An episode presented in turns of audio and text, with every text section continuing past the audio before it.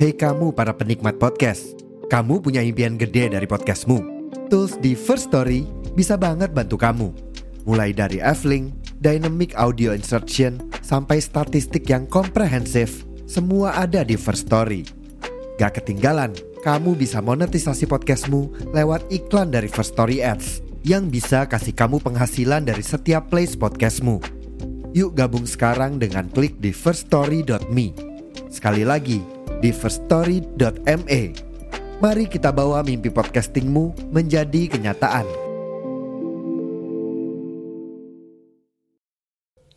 Halo teman-teman semua, ketemu lagi bareng aku Ainul Yakin di channel Kisah Lelembut Official.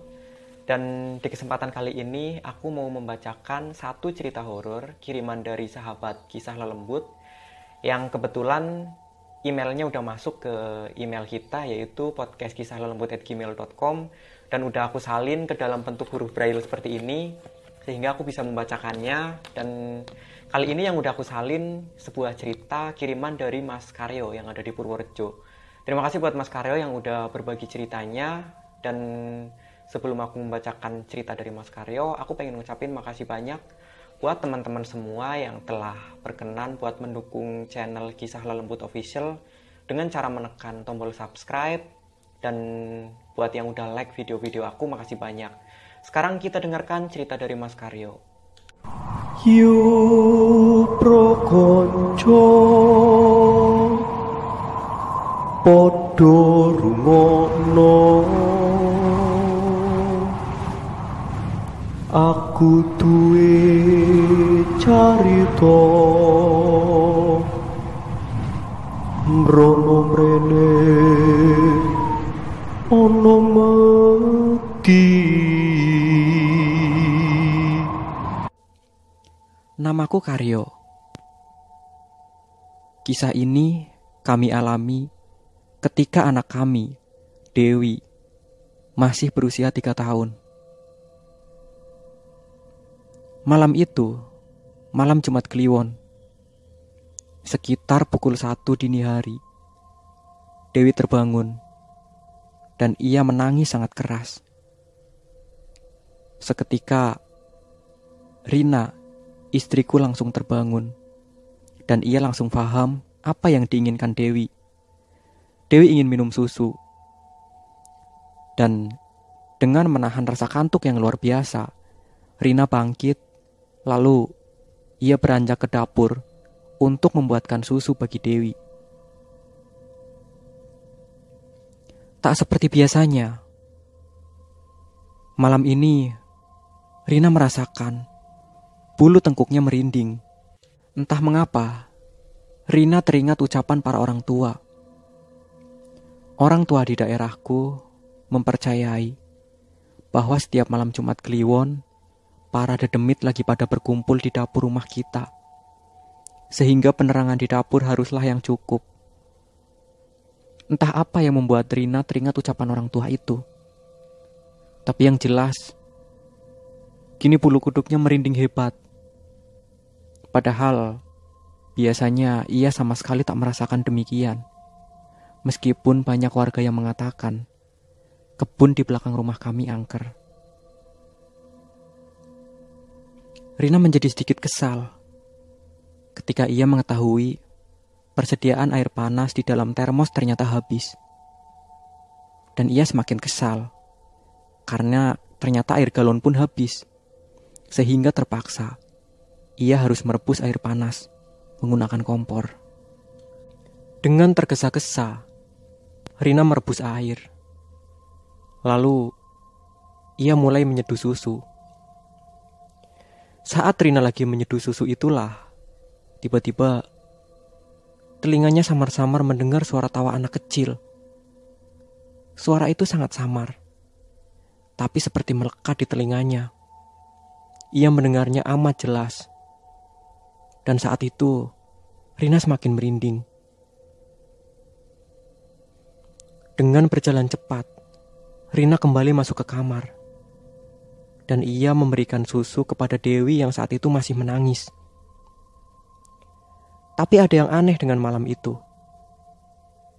Biasanya, begitu diberi susu, Dewi langsung terdiam dan ia kembali tertidur.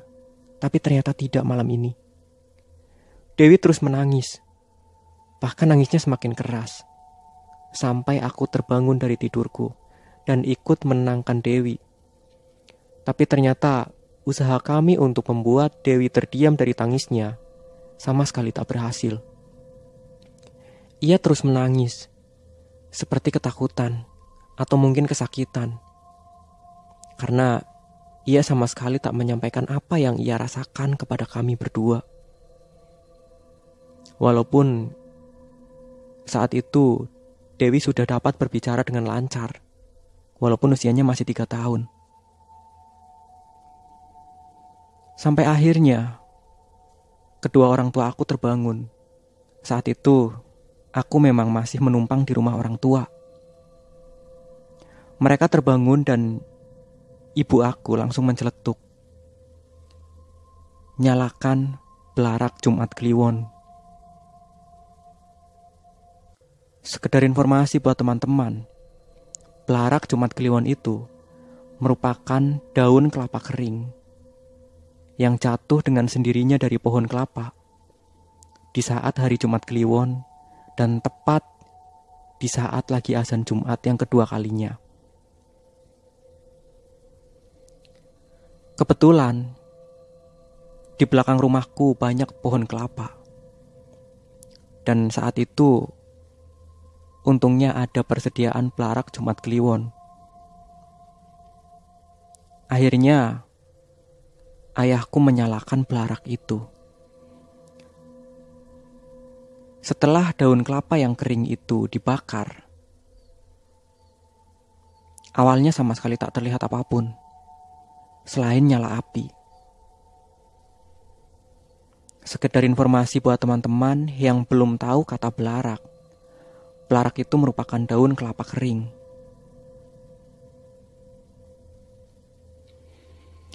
Api semakin besar, membakar daun kelapa kering atau belarak itu.